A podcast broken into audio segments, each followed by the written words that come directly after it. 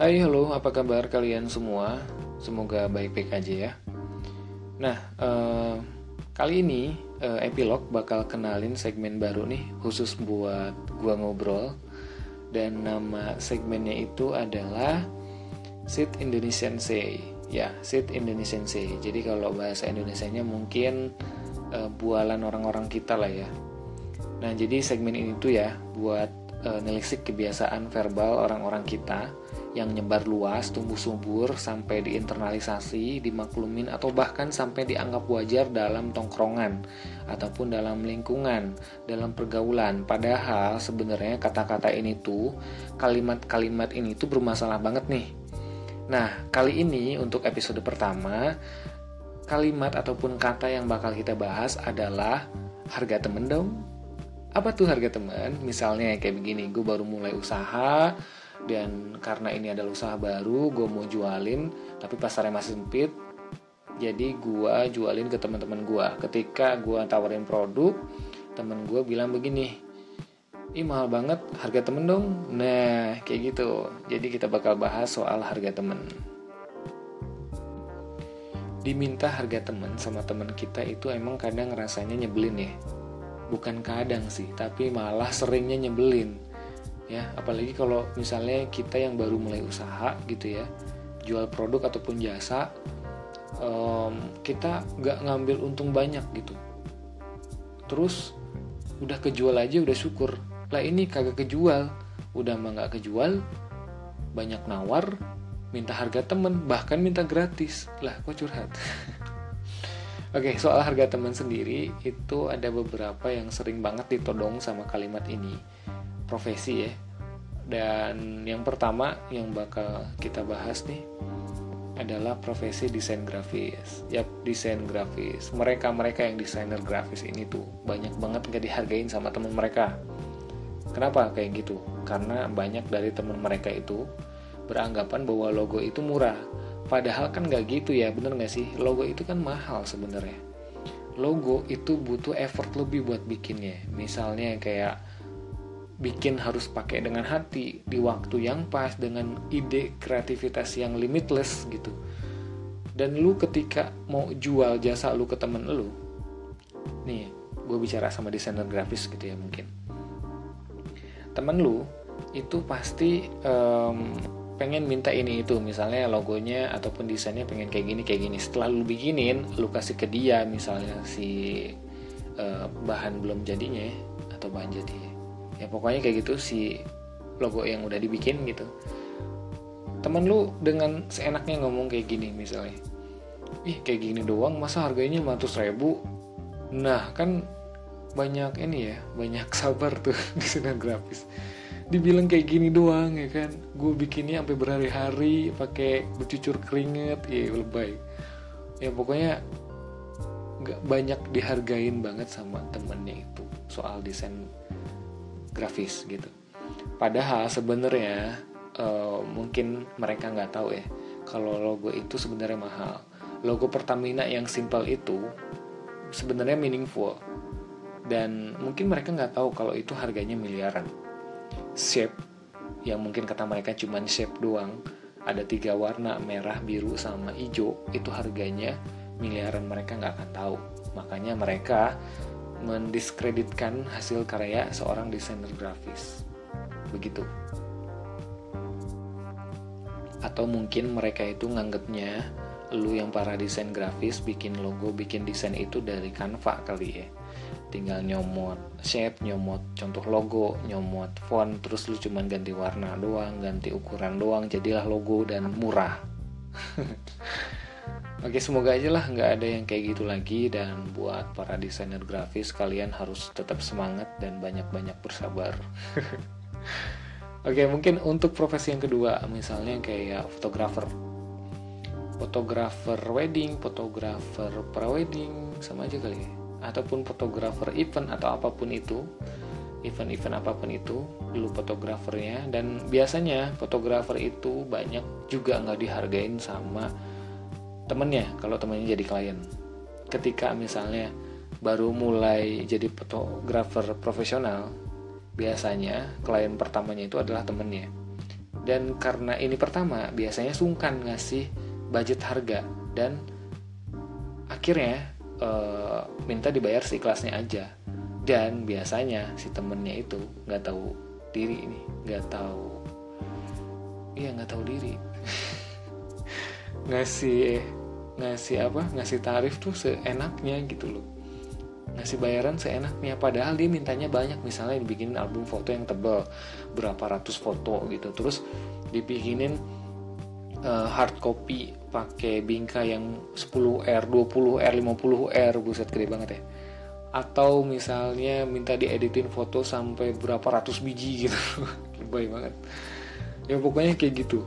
Dan kalau misalnya fotografer yang baru mulai biasanya dia itu ngikut dulu sama yang udah lebih pro yang udah punya jam terbang lebih tinggi daripada dia. Dan biasanya ketika mereka punya proyekan ada deal-dealan tuh di antara mereka buat uh, lu dapat berapa gue dapat berapa. Tapi akhirnya setelah proyekan selesai yang baru itu nggak dapat apa-apa nggak dikasih duit sama yang lebih pro. Kok curhat ya kayak gitu itu soal fotografer ya terus apalagi mungkin yang suka jualan camilan ataupun dessert mungkin itu biasanya kalau nih yang sambil gawe gitu ya itu buka sampingan bikin snack, bikin camilan, bikin dessert terus dibawa ke tempat kerjanya. Biasanya mereka itu e, ngasih testing dulu. Setelah ng ngasih testing terus e, teman-temannya, "Oh, enak enak enak." Terus mesen eh minta harga temen.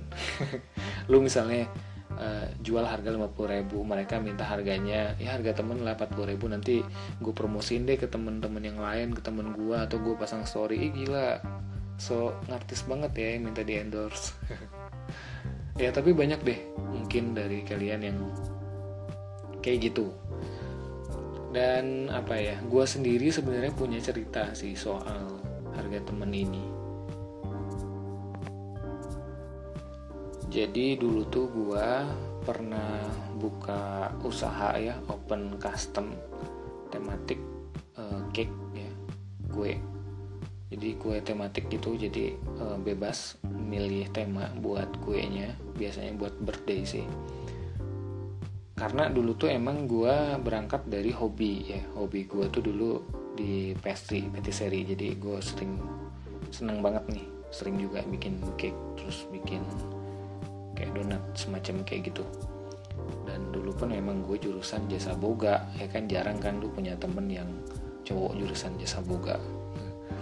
Nah e, singkat cerita jadi dulu e, pas ang, apa ya ngawalin gue jualan itu gue promosiin di sosial media. Jadi gue bikinin apa ya bikin story gitu story. Bikin status di BBM ya. Uh, ada fotonya gitu jadi foto-foto cake yang ada temanya pakai dulu kan zamannya glaze gitu ya. Dan uh, bukan glaze apa ya icing sugar kalau nggak salah. Pakai icing sugar gitu terus uh, itu kan tematik ya. Nah gue bikin di status BBM dan gue nawarin jasa buat bikinin itu cake gitu. Dan ada beberapa yang tertarik dan ketika yang tertarik itu nanya nanya-nanya nih nan ini bagus nih berapa harganya? Ya kan karena ini gue pertama kali jualan jadi gue semangat banget. Dan tujuan gue itu yang pertama sebenarnya mau bikin uh, orang tuh tertarik dulu nih sama produk gue jadi pengen bikin kesan bagus dulu soal produknya. Jadi gue nggak terlalu mikirin harga. Jadi malah gue nanya ke dia lu punya budget berapa sih nih biar gue bikinin sesuai dengan budgetnya? Terus dia ngasih budget cepet kalau nggak salah nih. Cepet ya ngasih ke gua terus akhirnya gue beli bahan-bahannya materialnya. Material emang bangunan. Pokoknya bahannya dan bahannya itu ternyata gue lebih uh, apa ya habisnya lebih dari 200 sampai 300 ribuan kayaknya buat bahannya aja. Karena meskipun kebutuhannya cuman kayak 5 sendok teh gitu tapi kan kita harus beli misalnya kayak kayak pengembang ya kayak baking powder gitu kita harus belinya satu satu wadah kan satu box terus akhirnya setelah itu uh, cake-nya udah jadi sesuai tema dan di review sama dia dan akhirnya reviewnya juga bagus dan gue seneng banget di situ dan akhirnya gue posting lagi hasil hasil produknya itu di di di status BBM di Facebook gitu. Terus ada beberapa yang tertarik lagi dan ngorder dan mereka minta harga temen. Ya lebih bawah 100 ribu karena sebelumnya mereka tahu uh, itu tuh orderan siapa terus uh, budgetnya sekian dan mereka itu temen gue yang mau ngorder ke gue lagi itu minta uh, harga di bawah itu. Jadi mereka pikir gue bikin sesuatu sesuai dengan budget. Padahal mah kan nggak gitu ya. Itu kan orderan pertama ya. Jadi gue masih kayak nyoba-nyoba gitu dan dan gue pun nggak ngitung soal tarifnya berapa harganya berapa. Itu bahkan kan gue modal 200 ribu terus gue belum uh, apa ngasih tarif buat jasa bikinnya terus ngasih tarif buat peralatan yang gue pakai gitu ya. Dan apa ya dan anehnya mereka minta harga temen gue turutin sampai beberapa kali gitu. Memang beda-beda sih si customer ya temen gue yang yang order itu. Dan sampai akhirnya gue bikin sampai ke tiga keempat kalinya. Gue mikir kok perasaan harusnya nggak gini? Gitu ya. Kagak sehat? Gue bukannya untung tapi malah buntung gitu kan. Iya capek juga gitu. Dan itu tuh kalau nggak salah ya itu waktu waktu emang di ujung tahun gue lulus sekolah dan gue akhirnya gawe di perusahaan swasta gue jadi karyawan waktu juga nggak banyak selain daripada bosen dan kesel karena karena apa ya customer yang kayak begitu akhirnya gue close order. Gue tutup gue nggak jadi usahanya nggak lanjut gitu. Karena memang teman-teman nya kayak gitu. Ya sayang banget ya. Nah soal kalimat harga temen itu sendiri sih sebenarnya berangkat dari um, semangat persamaan identitas apa tuh? Jadi misalnya kayak gini gue jalan-jalan ke Bali. Amin.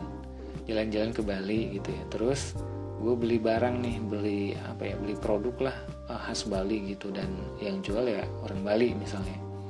Karena gue bisa bahasa Bali gue tawar tuh barangnya pakai bahasa Bali ke si uh, belinya misalnya si beli belinya terus dan dengan tujuan agar bisa dapat harga lebih murah gitu. Dan akhirnya berhasil tapi kadang juga enggak sih tapi kita asumsikan berhasil gitu ya nah itu adalah um, wujud dari uh, karena ada rasa persamaan identitas gitu. Jadi ketika kita ngobrol sama seorang orang lain yang identitasnya sama, itu kan kadang misalnya kayak lu sama gua itu orang Indonesia ketemu di Amerika gitu. Kita bisa ngobrol akrab gitu di Amerika padahal mah kalau kita balik ke Indonesia kita biasa aja. ya kan jadi um, apa ya? persamaan identitas tuh jadi kayak menstimulan kita buat mengiyakan sesuatu gitu lebih closer lah sama orang yang jadi lawan bicara kita gitu. Nah, kalau misalnya sistem ini dipakai ke dalam tongkrongan, ke dalam lingkungan dengan menerapkannya di uh, harga temen, itu sih nggak baik ya, itu sih nggak bagus. Malah um, bikin temen kita yang baru mulai usaha itu jadi boncos, jadi kagak lanjut usahanya. Gara-gara kita yang nggak tahu diri minta harga temen gitu. Kalau misalnya kita merasa temannya dia sahabatnya dia harusnya lah kita support lah apa yang dilakuin sama temen kita itu misalnya kita beli produknya kita pakai jasanya dengan harga yang sewajarnya yang dia kasih gitu. Kalau bisa mah lebihin tapi nggak mungkin juga dilebihin. Ya kalau bisa mah ya kasih moral gitu ya. Moral lebih misalnya kasih semangat atau misalnya lu promosiin gratis di media sosial lu ataupun lu omongin mau to mouth di tempat kerjaan di kampus atau di mana pun itu soal produknya temen lu biar orang-orang beli beli beli gitu ya. Bukan malah minta harga temen yang bikin temen lu boncos kagak jadi jualan gitu. Kagak jadi dagang kagak jadi buka jasa gitu. Karena kalau misalnya uh, kita minta harga temen tuh malah kayak jadi harga musuh ya Iya harga musuh jadi bikin bangkrut temen lu. Temen lu jadi nggak berkembang. Oke jadi gitu sih yang bisa gue omongin soal harga temen. Semoga yang udah dengerin ini kita sama-sama ngaca lah gitu. Jangan jangan apa ya kalau misalnya kita nggak bisa bantu ya kita jangan ngancurin planningannya temen kita gitu sih. Makasih yang udah dengerin ya sampai jumpa di sampai jumpa. Nantikan di segmen selanjutnya di episode selanjutnya soal Sit Indonesian Say. Makasih dan bye bye